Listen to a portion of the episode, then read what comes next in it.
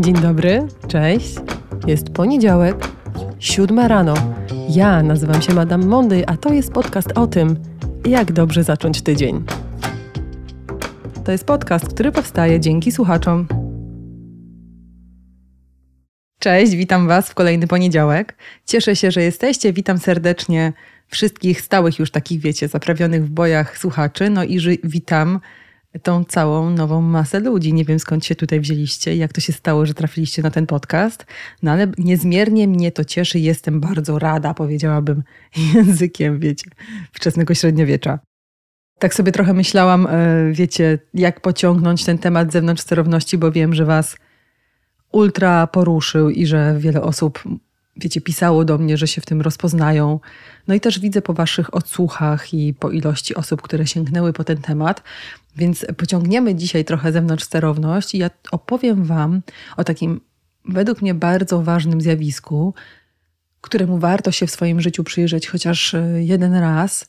Swego czasu przyglądałam się temu zjawisku z grupą, z którą pracowałam właściwie wielokrotnie, grupą tworzącą kurs Pokochaj swoją strefę komfortu. No i teraz chyba przyszedł moment na to, aby wypuścić tą część naszych wspólnych rozważań na światło dzienne. I w ogóle początek tych rozważań gdzieś tam miał miejsce w mojej głowie od książki Melody Baty. I to jest naprawdę bardzo dobra książka, nazywa się Koniec współuzależnienia i ona stworzyła tam taki rozdział, który się nazywa Nie pozwól, by miotał tobą każdy podmuch wiatru. To był no, dla mnie odkrywczy moment, kiedy przeczytałam ten rozdział.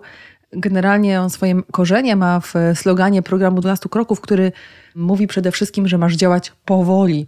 No i kiedy sobie myślę o tym, co to znaczy działać powoli, to mam w głowie, wiecie, tylko jedną ważną rzecz. To, co powiedział Frank, że od emocji, którą przeżywamy, od bodźca do reakcji jest bardzo duża przestrzeń i ta przestrzeń nazywa się namysłem. Więc wiecie, kiedy mam na myśli działaj powoli albo way, czyli w ogóle nie działaj, sprawdź czym jest niedziałanie, to myślę sobie o tym, żeby korzystać z namysłu, korzystać ze świadomego wyboru. My jako ludzie żyjemy no tak trochę w takim przeciągu, bo z jednej strony mamy bardzo duży, intensywny dostęp do wszystkiego tego, co się dzieje w nas w środku, no i to jest super ważne, żebyśmy mieli do tego dostęp, to się nazywa samoświadomość, czyli fajnie, że mam dostęp do tego, co mi się myśli, co mi się czuje, co czuję, mam dostęp do tego, co mnie boli, co we mnie szwankuje, mam dostęp, słuchajcie, do swojej całej historii życia, do swojej biografii, mam dostęp do tego, co mówili do mnie inni ludzie, a wiecie jeszcze, jak to było jakoś bardzo dla mnie znaczące, to wyryło mi się to po prostu w tej przestrzeni wewnętrznej jak, jak w kamieniu.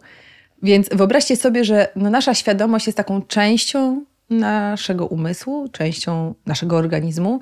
I my w tej świadomości trochę siedzimy jak taki pilot w kokpicie, czyli w pewnym sensie mam dostęp do wszystkiego tego, co się dzieje we mnie, no i też na tej, wiecie, szali czasu, nie? W przeszłości i w przyszłości, czyli też sobie wyobrażam tam różne rzeczy w sobie w środku, no ale też muszę patrzeć przez okno, czyli muszę patrzeć na to, co mnie otacza.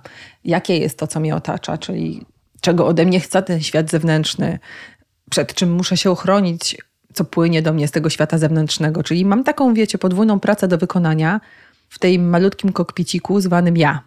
Niektórzy mówią, że to jest też takie bardzo egotyczne miejsce, zwane w ogóle ja, ja, ja, egocentryk i wszystko się odnosi do mnie i wszystko jest o mnie. Ale ja nie o tym dzisiaj.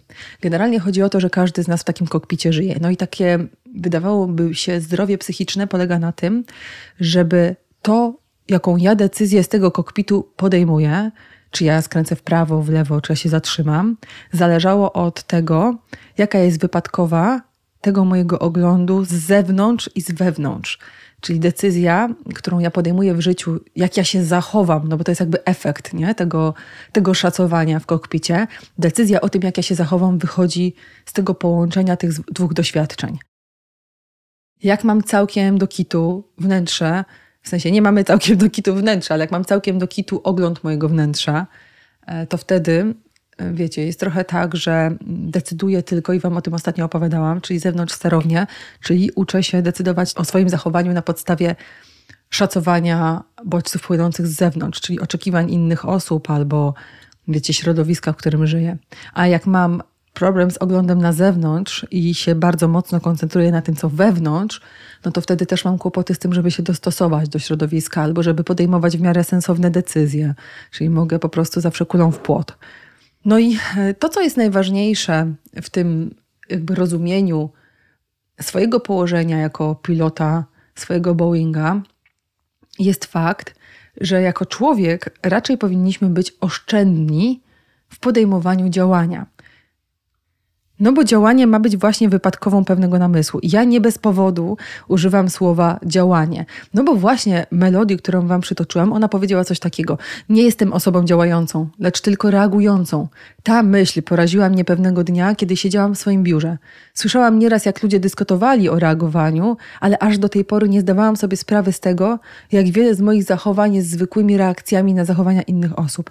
Reagowałam na uczucia, zachowania, myśli problemy innych. Reagowałam na to, co mogli czuć, myśleć, co robić. Reagowałam też na swoje własne uczucia, myśli i problemy. Czyli można powiedzieć, że melody tutaj pokazuje bardzo ważną rzecz, że jeżeli my jesteśmy bardzo nadmiernie reaktywni, tak sobie to nazwijmy, no to jest ten pilot w tym kokpicie wtedy, czyli my, podejmuje bardzo dużo szybkich decyzji, nad którymi się nie zastanawia. W pewnym sensie czuje też przymus reagowania na wszystko, co na zewnątrz i na wszystko, co wewnątrz.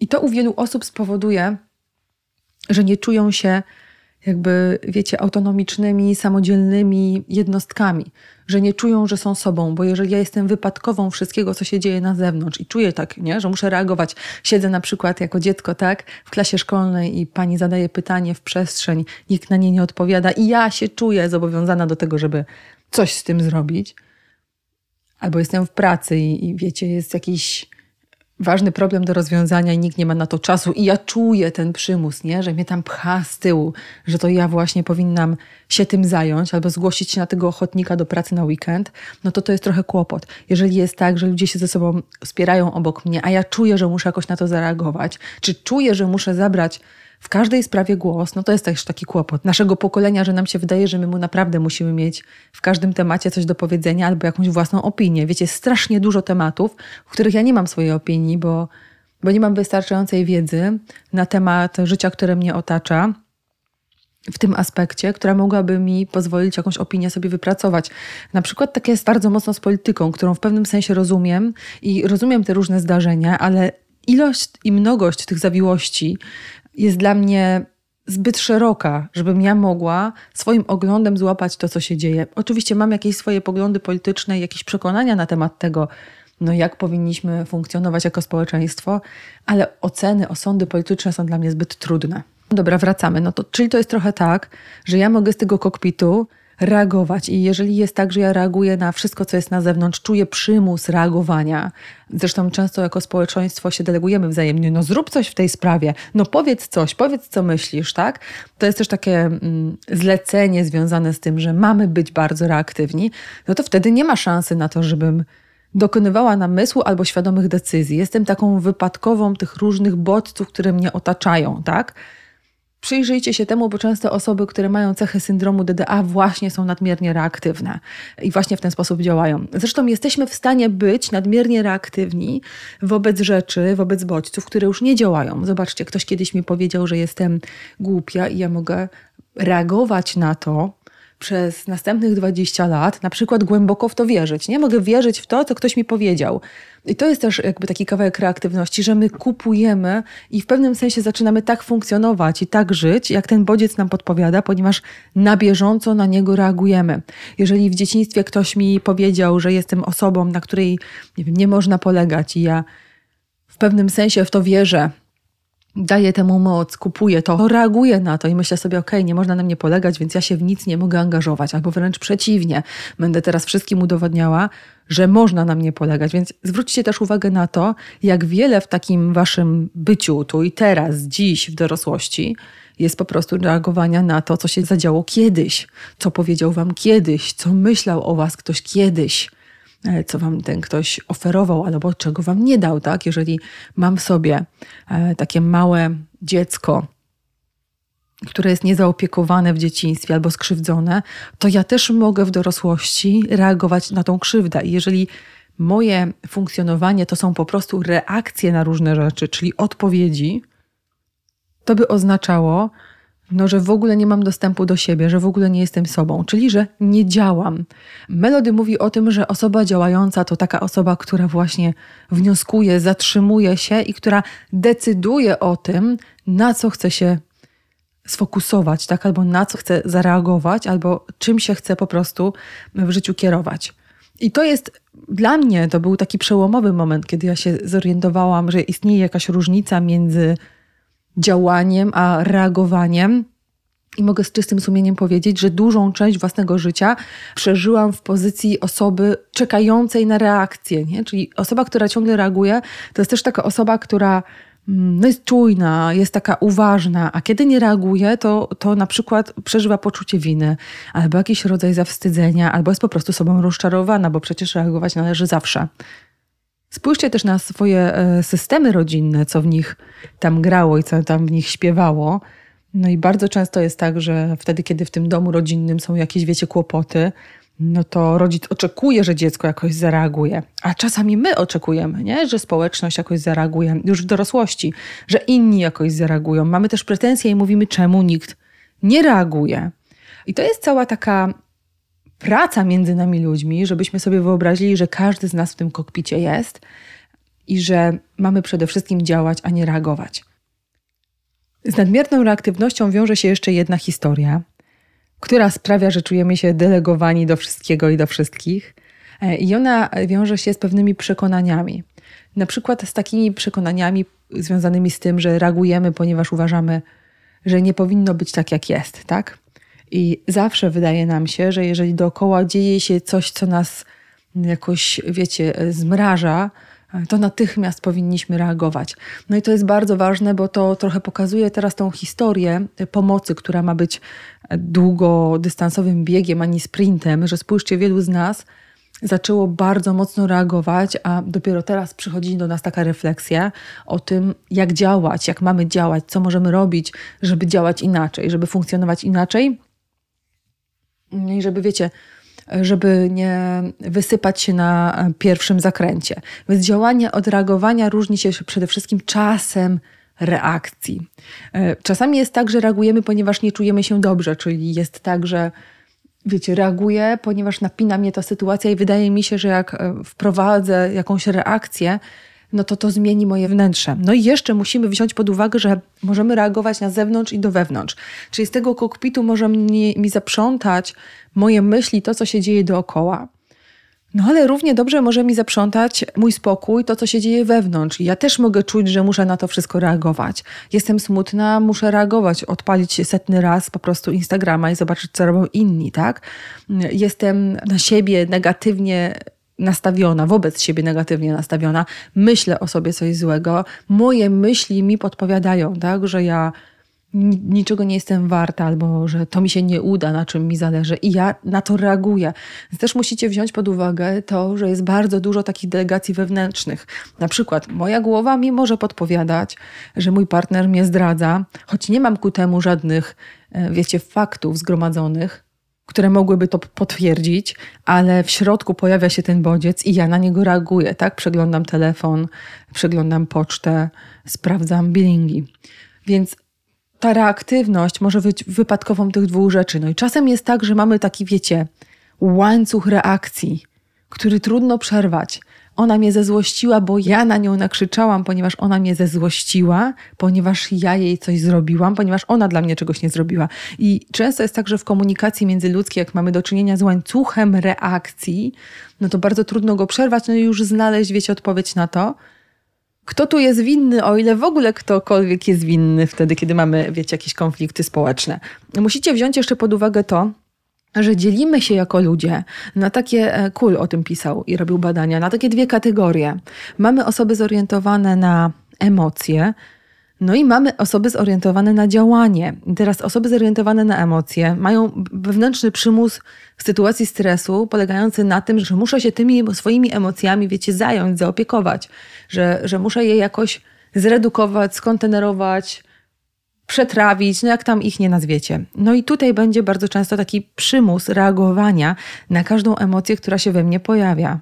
Mamy jeszcze takie osoby, które są zorientowane na działanie I te zorientowane na działanie mają potrzebę zmieniania, działania, przekształcenia tej sytuacji, która jest, wiecie, stresująca, i te osoby będą po prostu często działać, a wiecie, najczęściej jak działamy impulsywnie, no to działamy, no tak wiecie, po omacku.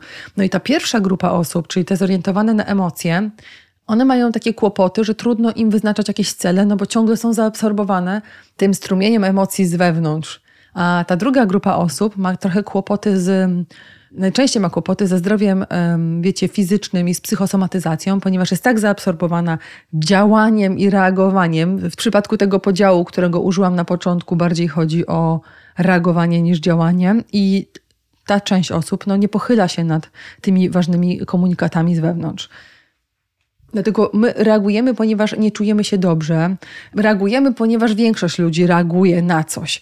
Na przykład reagujemy oburzeniem na wiele sytuacji, na które normalnie byśmy, wiecie, oburzeniem nie zareagowali, bo one jakoś mieszczą się w naszym e, systemie wartości. Albo wiecie, śmiejemy się, śmiech jest jakąś reakcją, a ona, on jest, wiecie, wyćwiczoną, fajną reakcją. Super, że się śmiejemy. Ja bardzo lubię, wiecie, takie tendaperskie kawałki, więc lubię tą moją reaktywność, czyli ja sobie na nią pozwalam. Idę na stand-up, czy włączam go, wiecie, na YouTubie, odpalam. Rafał Rutkowski to jest mój ulubiony stand-uper. Odpalam go, no i, i wiecie, nastawiam się na to, że będę ultra reaktywna. Jakbym się odniosła do tego, co on tam, słuchajcie, w tym stand-upie opowiada i czy to się, wiecie, jakoś łączy z moim systemem wartości, to niekoniecznie. Natomiast, no, absolutnie mnie śmieszy. No i to jest jakaś decyzja o reaktywności. Wtedy jestem sobie taką piłeczką, która po prostu zaśmiewa się z jakichś totalnych głupot. Pozdrawiam cię, Rafał.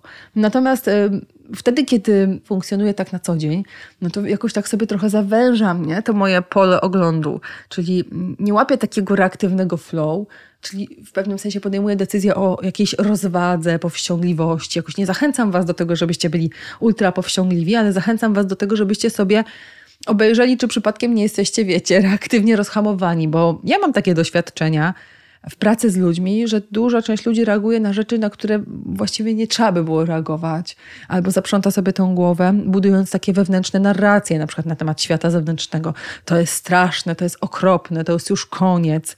Tak więc my, ta nasza reaktywność wyraża się też w tym, że my wszystkiemu chcemy nadać jakiś status, jakieś znaczenie.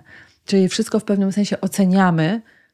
No i popatrzcie, to jest taka e, ultra pułapka, bo jeżeli ja Jestem na takiej fali przymusu oceniania wszystkiego, albo odnoszenia się do wszystkiego, albo interpretowania wszystkiego, albo wiedzenia wszystkiego, jak w syndromie Fear of Missing Out, czyli lęku przed pominięciem, no to wtedy ja nigdy nie odpoczywam. To wtedy mój pilot w moim kokpicie jest tak sfokusowany na nadanie znaczenia każdemu pyłkowi, który pojawia się przed jego oczami, że nie ma czasu na to, aby rzeczywiście żyć i działać i podejmować decyzje. No jeszcze jak tak się przyjrzycie temu wszystkiemu, co słuchajcie, dzieje się w waszej głowie, no to się okaże, że tam, wiecie, fabryka pracuje pełną parą. Można godzinami zastanawiać się nad tym, jak się zachowałam, co powiedziałam, co powinnam była powiedzieć, jak powinnam była się zachować, czyli godzinami można też próbować ustosunkować się do tego, co ze mną. Czyli ja mogę, wiecie, tak sobie świecie, że cały czas jakoś próbuje się wobec tego świata ustawić. I to jest jakby okej. Okay. My jako ludzie też potrzebujemy nadawać znaczenia i zwiększać swoje własne rozumienie świata, w którym przebywamy, w tym też siebie, ale to nie może być 100% naszego czasu. Czyli jeżeli jesteś sfokusowany na to, żeby operować albo okrutnym krytykiem wewnętrznym, albo okrutnym krytykiem, który siedzi w loży szyderców wobec świata zewnętrznego, no to odbierasz sobie możliwość ku temu, aby w ogóle być sobą. No wiecie, cokolwiek to znaczy, ale powiedziałabym, że być sobą jest na pewno bardzo blisko rozwagi i działania, a nie reagowania. No i reagujemy, ponieważ wydaje nam się, no myślimy, że musimy reagować, a nie musimy. Nie ma przymusu reagowania. Nie musimy, wiecie, bać się innych. Nie musimy tracić spokoju wtedy, kiedy inni ludzie jakoś koło nas, wiecie, szaleją. Nie musimy tracić zdolności myślenia, odczuwania z powodu kogokolwiek czy kogokolwiek. Popatrzcie, jak jest bardzo dużo osób, które biorą wszystko do siebie. Nie musimy brać wszystkiego do siebie. Ja nie muszę ze wszystkim, wiecie, przysiąść i pakować tego w sam środek mojego rdzenia tożsamości, pozwalając na to, aby to mnie zmieniało. Czasem jest tak, że dajemy innym ludziom, czyli reagujemy bardzo długofalowo. Czy mogę powiedzieć, ktoś mi zepsuł cały dzień, tak? Popatrzcie, jaka długa to jest reakcja. Ktoś się zachował wobec mnie nieprawidłowo rano, a ja reaguję przez następnych 12 godzin. Czyli chodzę z tym zepsutym dniem na plecach, tak? Musimy pamiętać o tym, że w pewnym sensie czas reakcji też od nas zależy i to, w jaki sposób my zareagujemy. Nie musimy też traktować zachowań innych jako potwierdzenia tego, że wiecie, że coś jest z nami nie tak, że nie jesteśmy wiele warci, no też nie musimy traktować odmowy jako potwierdzenia, że coś jest z nami nie tak. Jest wiele takich momentów, w których nam się wydaje, że my powinniśmy jakoś zareagować, na przykład obrazić się, albo zerwać relacje, albo właśnie poczuć się jakoś bardzo urażonym, albo sobie to odbić, nie? To są właśnie takie bardzo rozbudowane reakcje na to, co po drugiej stronie. No i kultura nas trochę uczy, jaki powinien być wzorzec tego reagowania. No i na przykład my kobiety jesteśmy nauczone właśnie zawieszania relacji, czyli, czyli obrażania się. Kultura czasem nam podpowiada, że musimy się przejmować wszystkim, że jak jesteś osobą empatyczną i wysoko wrażliwą, to ciągle współodczuwasz z innymi. To ciągle jesteś sfokusowany na reagowanie na cudze szczęście albo, albo cudze cierpienie. Wtedy stajemy przed takim wyzwaniem polegającym na tym, żeby samodzielnie dokonać takiego rozpoznania, czy coś, co się stało przed chwilą, czy to ma rzeczywiście status ważności dla mnie, bo my czasem reagujemy, wiecie, tak bezrefleksyjnie, tak? Na różne zachowania innych ludzi, no bo gdzieś mamy takie wpojone schematy i przekonania, że właśnie w takiej sytuacji moja matka trzaskała drzwiami i wychodziła. No i ja robię to samo, nie? To jest bezrefleksyjna reakcja, a jak się tak przyjrzę bardzo, bardzo głęboko temu, co wewnątrz, no to nagle się okazuje, że, że wiecie, że że tak normalnie to chyba bym nie zareagowała. No ale czy to wypada nie reagować? Czasem tak jest, na przykład jak ludzie chcieliby żyć w poliamorycznym związku i w pewnym sensie nie przeszkadzają im e, bliskie związki miłosne albo przyjacielskie ich partnerów z innymi ludźmi, no ale wiecie, są tak bardzo wychowani w sztywnym schemacie, że z automatu reagują złością, niechęcią albo zawstydzeniem na przykład. Jedną z takich bardzo rozbudowanych reakcji to jest reagowanie wstydem za każdym razem, kiedy innym ludziom to, co robisz, nie mieści się w głowie. To jest też wyćwiczona reakcja. Patrzcie, jakich nas jest bardzo dużo. Jak jestem osobą na przykład uzależnioną, to mogę reagować chęcią zapalenia papierosa za każdym razem, kiedy w środku we mnie pojawi się bodziec związany ze złością i ja reaguję. Pamiętajcie, że działanie wyraża się i reagowanie w zachowaniu. My nie mamy wpływu na to, co jest dookoła nas. Przykro mi, nie mamy. Świat jest jaki jest, słuchajcie. Trochę go rozumiemy, ale wydaje mi się, że więcej nie rozumiemy niż rozumiemy. No i nie mamy wpływu na to, wiecie, przed czym nam przyjdzie jeszcze posiedzieć trochę. Nie mamy też za bardzo wpływu na to, co nam się czasem myśli, Myśli są czasem takim epifenomenem. Epifenomen to jest efekt uboczny pracy silnika, to są, wiecie, te spaliny. Czyli czasem nam się myśli, czasem myślimy świadomie, czyli ja wykorzystuję tą funkcję, a czasem mi się po prostu myślą różne rzeczy, tak jak mi się śnią różne rzeczy, ja nie mam na to wpływu. I popatrzcie, na swoje myśli reaguję prawie zawsze, jakby to były jotka wiotkę prawdziwe treści na temat świata, który mnie otacza i ja. A na sen na przykład jesteśmy nauczeni nie reagować. Nie reaguję na mój sen. Tak, daję sobie prawo do niereagowania, bo wiem, że nie mam na niego wpływu i on tak naprawdę niewiele znaczy, choć pewnie psychoanaliza marzeń sennych Zygmunta Freuda bardzo mocno otworzyłaby wam oczy. To jest moja pierwsza książka psychologiczna, po którą sięgnęłam. Natomiast popatrzcie, to jest świetny przykład wyuczonej reakcji. Nie reaguje na sen, ale reaguje na każdą myśl. A przecież część naszych myśli, które nam się same myślą, są trochę jak sen, są czymś poza naszą kontrolą. Czasem jest tak, że reaguje na wszystkie moje emocje ale kiedy jestem na przykład w kinie i przeżywam te same emocje, no to wiecie, na nie nie reaguję, nie uciekam na krzyku. Swoją drogą podobno świetny jest ten nowy krzyk, ale jeszcze nie widziałam. Jak widzieliście, to proszę o recenzję. Nie uciekam z kina, tak? Mogę zakryć oczy, bo nie chcę już tego widzieć, przerwać ten strumień tych doświadczeń, ale nie zwiewam z kina. Czyli mam wyuczoną reakcję na film. Ale kiedy to się dzieje, wiecie, w świecie zewnętrznym i pojawiają się we mnie jakieś uczucia, i one nie zawsze są adekwatne. Na przykład przy zaburzeniach lękowych czasem jest tak, że wędruje sobie z nami lęk jak taki pasażer Nostramo na naszym lewym ramieniu. No i generalnie uczymy się na gościa nie reagować, nie? Uczymy się mówić mu, fajnie, że jesteś, wiesz, doceniam, uznaję, zauważam, no ale stary, nie robimy dzisiaj tego, na co masz ochotę, robimy to, na co ja mam ochotę. I to jest właśnie działanie. A reagowanie byłoby, ojoj, nie? Pojawił się, czyli zakopuje się pod kocykiem i siedzę w domu, tak? Więc to jest też ważne, żebyśmy uczyli się rozpoznawania, na co chcemy reagować, nie? na co ja chcę zareagować, w jaki sposób.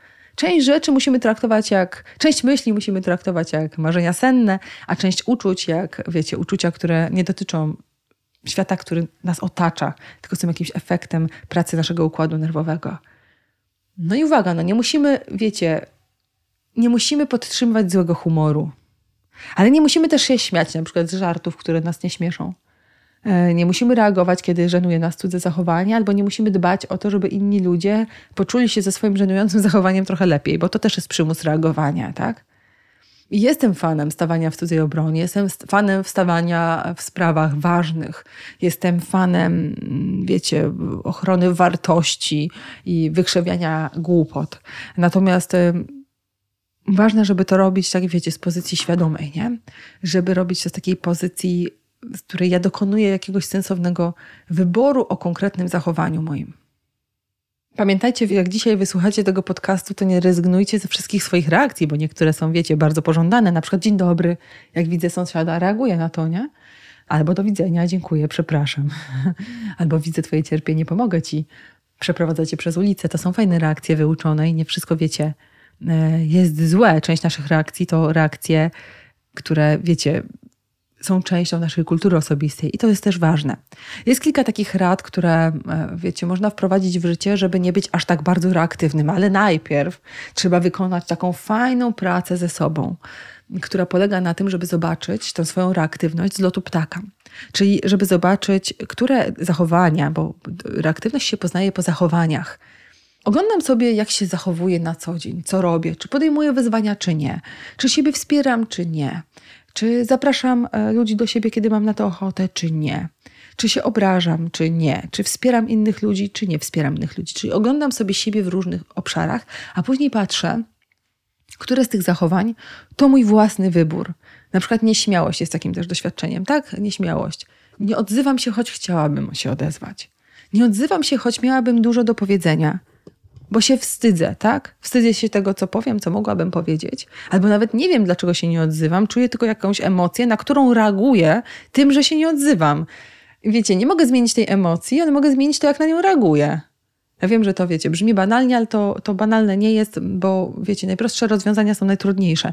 Natomiast musicie zauważyć, że między tym, że ja się nie odzywam, a tym, że się wstydzę i tym, co sobie myślę o tym, co powiem, czyli mam w środku uczucie wstydu, mam w środku myśli, no to to uczucie pewnie pojawia się w odpowiedzi na te myśli, że sobie wyobrażam, że powiem jakieś totalne głupoty, tak?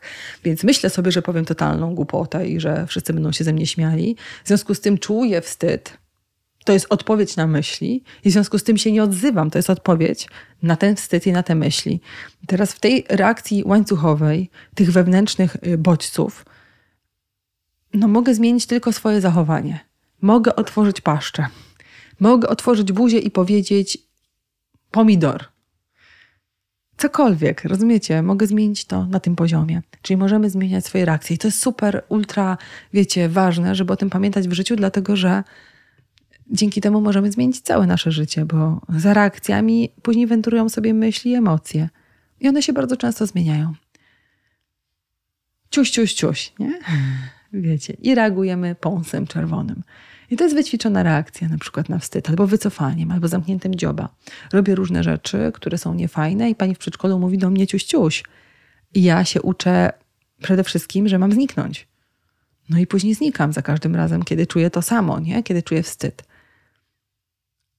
Więc punktem wyjścia do tego, żeby rozumieć swoją reaktywność, jest ta mapa reagowania. A potem sprawdzamy, na co reagujemy. Jeżeli na przykład e, zawsze ukrywam moje nogi albo moje stopy, bo w dzieciństwie ktoś mi powiedział, że mam kacze stopy, myślę sobie, że to musiało być jakieś fatalne doświadczenie, no to to jest, patrzcie, przedłużona reakcja na ten jeden bodziec, którego autorem jest jedna osoba. Albo kilka osób. Mogę decydować o tym, czy ja chcę na to reagować. I jest kilka takich sposobów na to, żeby później ćwiczyć brak reagowania w taoizmie powiedzielibyśmy Wei, tak? czyli tą technikę niedziałania. W ogóle polecam Wam książkę Wei o niedziałaniu. Taka niebieska książka z kwiatem wiśni na okładce. A jeżeli nie macie ochoty się zgłębiać w taoizm, e, to, bo w taoizmie jest trochę tak, że jeżeli ty przestaniesz działać, reagować i robić zamęt wokół siebie, to pozwolisz działać światu. Ja jestem bardzo, słuchajcie, blisko tego. Ale wróćmy do tych dwunastu kroków, które mówią powoli. Nie bądź sprężynką w swoim własnym życiu. Musisz najpierw się nauczyć rozpoznawać, kiedy reagujesz, a kiedy pozwalasz innym pociągać ze sznurki albo swoim wewnętrznym bodźcom. No i musicie zobaczyć, na jakie emocje najbardziej jesteście reaktywni i zachowania. No a potem za każdym razem, kiedy to czuję albo kiedy to się dzieje na zewnątrz, no to ja się rozluźniam, tak? Analizuję, daję sobie czas i wybieram zachowanie. To jest kluczowe. Popatrzcie, że czasem jest tak, na przykład jak powiem wam, e, że najlepiej biega się w mroźne poranki. Ktoś powie, wyuczona reakcja, ojej, przecież jest zimno, to tak w tej czapce, w szaliku, tak, w tych rękawiczkach, a ja powiem tak, w rękawicach, ale w leginsach i bluzie polarowej, czapce na głowie. I ktoś powie, no przecież będzie zimno, więc kulę się, reaguje na to moje wyobrażenie. A potem każdy, kto wybiegnie w mroźny poranek pobiegać wraca do mnie z taką informacją zwrotną, że to jest wow. Biegnę jak taka wielka, ciepła kula ognia po mroźnym, wiecie, lesie. To są moje doświadczenia, więc nasze reakcje możemy zmieniać. Możemy też zmieniać je poprzez mm, wybieranie nowych reakcji. Więc zastanówcie się, co byście chcieli zrobić. Podejmijcie decyzję spokojnie, opierajcie się, słuchajcie, na faktach i opierajcie się na takiej pozycji obserwatora. W mindfulnessie pracujemy nad taką pozycją obserwatora, czyli trochę uczę się rozpoznawać to miejsce gościa w kokpicie, no i nagle obserwuję, że jestem czymś więcej niż tylko tym, co czuję, tylko tym, co myślę i tylko tym, co mnie otacza. No jest jakaś persona tutaj, tak? I okazuje się, że mogę sobie to obserwować. Czasem na kursach mówię wam o tym, że możecie sobie wyobrazić, że jesteście takim wielkim, jak nie wiecie, jak zjarzyć tą pozycję to żebyście sobie wyobrazili, że jesteście takim wielkim reflektorem który, filmowym, który w kinie wyświetla na ekranie coś, że, czyli z waszej głowy idzie taki, wiecie, z waszego ciała taki strumień światła i wyobraźcie sobie, że na tym pulpicie się to wszystko wyświetla, co jest w was, wszystko, co myślicie, wszystko, co czujecie, wszystko, co przeżyliście. Wyświetla się tam treść waszego życia psychicznego, a wy jesteście, tak wiecie, 10 rzędów dalej i sobie to obserwujecie. I to jest pozycja gościa w kokpicie. I kiedy tak sobie przy sobie przysiądziesz w tym kokpicie, słuchajcie, to możecie doświadczyć różnych rzeczy, na przykład tego, że totalnie z tego kokpitu widzę jeden wielki chaos, albo że nie mogę tam wysiedzieć w pozycji obserwatora, bo już biegnę za wszystkim tym, co mnie tam, wiecie, ciągnie, albo szturcha, nie? albo myślę o zakupach, albo o czymś. Doświadczam tego mojego umysłu rozpędzonego, albo doświadczam tego, że jak coś stuknie, puknie, kot zamiałczy, to ja natychmiast wychodzę, nie? wychodzę jak ślimak ze swojej skorupki. Więc techniki uważności tutaj są super, nie? super rozwiązaniem do tego, żeby trochę zatrzymać swoją reaktywność i żeby troszkę się zmienić.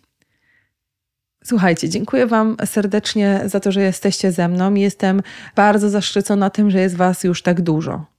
Dziękuję Wam jeszcze raz, że jesteście patronami. Słuchajcie na Patronajcie. Obczaiłam już tą aplikację, więc pewnie w tygodniu wyślę Wam e, link do, do tej apki, e, z, z którą będę chciała, żebyście się ściągnęli, bo, bo tam postaram się mieć dla Was parę prezentów. Dziękuję Wam jeszcze raz, że jesteście i że wiecie, wytrwaliście w tym, w tym byciu patroną. Chcę Wam się pochwalić, że w kwietniu rusza taka fajna reklama e, rozbudowana, madam, więc myślę sobie, że ona dostanie skrzydeł, ale ruszam z bardzo fajnym projektem. Jeżeli macie ochotę, to, to Was do niego zapraszam. Jeszcze nie mam takiego pomysłu dokładnie, na której platformie to będzie, ale przeleję w formie takiego zbioru wykładów e, całą psychoedukację odwykową, nie? Czyli, czyli spróbuję, ja wiele lat pracowałam w Wojewódzkim Ośrodku Terapii Uzależnień i tą psychoedukację myślę sobie całą mam w jednym palcu, więc mam taki pomysł, żeby ją przelać i po prostu zbudować z niej taki w miarę sensowny program dla osób, które nie mają szansy na to, aby być w poradni uzależnień albo być na oddziale odwykowym, ale bardzo chciałyby zrozumieć swoją chorobę. No, no to tyle ode mnie. Jak widzicie, moja małpka wewnętrzna jogowa jak to się w jodze mówi, nie śpi i ma milion pomysłów, ale to też dzięki Wam. Kto ma ochotę, zapraszam jeszcze na kamp w czerwcu, który robię z Agatą Litwińską. Ruch nie ma wagi, a ja tam będę prowadziła dwudniowe warsztaty, które się nazywają, e, słuchajcie, Miłość to czasownik. No i to tyle ode mnie. Miłego poniedziałku.